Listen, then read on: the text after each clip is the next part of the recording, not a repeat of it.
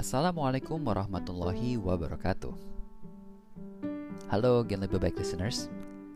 Kembali lagi bersama saya Andika Sumarsono.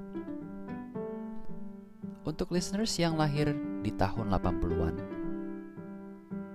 masih ingat gak dengan tren menuliskan biodata kita di buku agenda orang lain?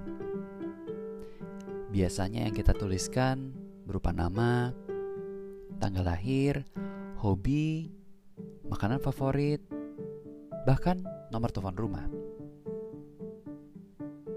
Teman SD saya Randy melakukannya dengan hal yang berbeda. Ketika orang-orang menuliskan dengan nomor telepon rumah, dia menuliskan nomor telepon genggam ayahnya. Pada saat itu tahun 1991, telepon genggam bagaikan benda dari langit. Tidak semua orang memilikinya, apalagi anak SD. Tetapi Randy secara konsisten selalu memberikan nomor telepon genggam ayahnya di buku agenda orang lain. Suatu hari saya bertanya kepada Randy, kenapa dia melakukannya?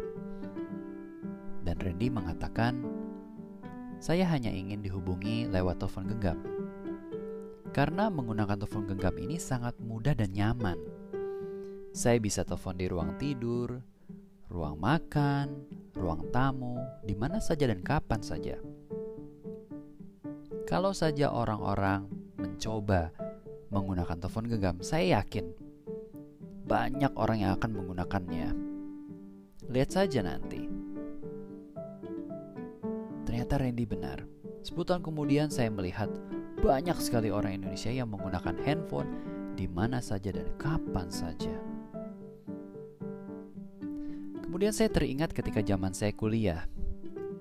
Pada saat itu banyak sekali paper yang harus ditulis dan harus di-print.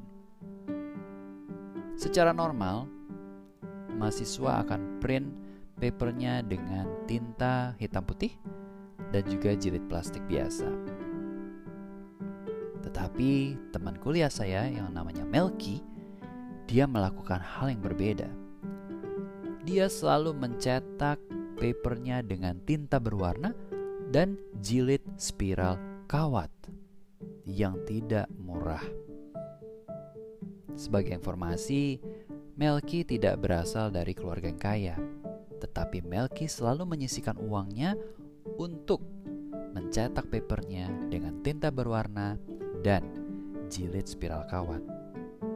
Saya bertanya kepada Melki kenapa ia melakukannya. Melki menjawab, "Kalau kita punya isi yang bagus di paper kita, kita harus membuat packaging yang bagus pula. Kita akan membuat paper kita itu lebih menonjol dari yang lain, yang akhirnya akan mempengaruhi nilai kita juga." Lihat saja nanti. Melki benar. Melki selalu mempunyai nilai tugas yang lebih tinggi dibandingkan yang lain. Dan juga nilai IPK Melki yang tertinggi di kelas kami. Lalu di tahun 2011, saya masih ingat bahwa semua orang atau sebagian besar orang menggunakan BlackBerry. Kantor, saya pun menggunakan BlackBerry karena bos saya dan tim menggunakan BlackBerry Group untuk komunikasi masalah kerjaan. Tetapi ada satu orang di perusahaan saya namanya Fred. Fred tidak pernah membeli BlackBerry device.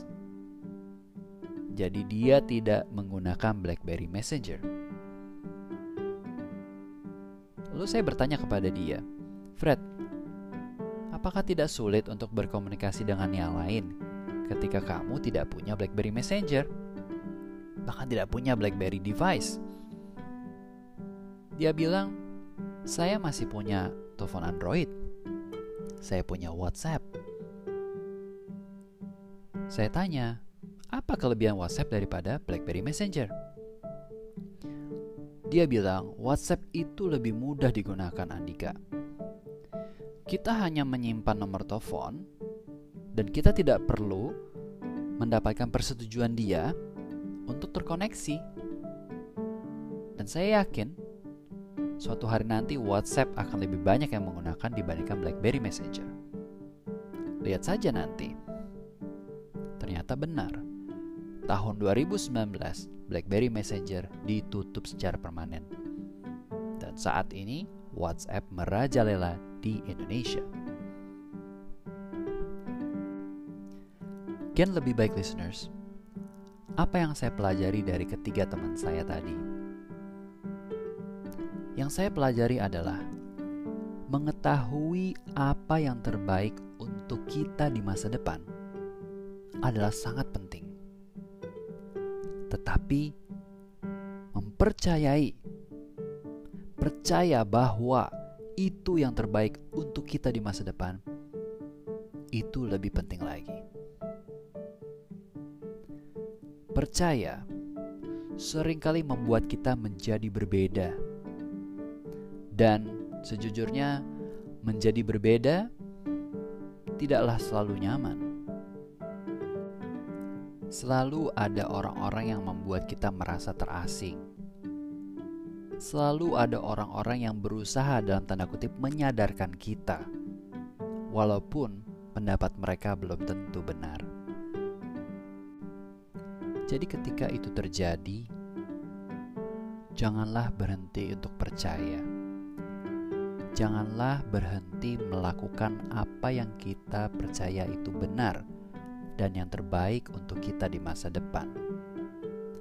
Karena waktu akan menunjukkan, dan kita bisa mengatakan kepada orang-orang tersebut, "Lihat saja nanti."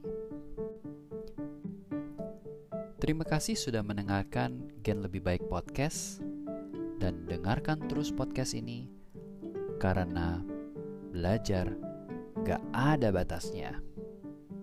Assalamualaikum warahmatullahi wabarakatuh.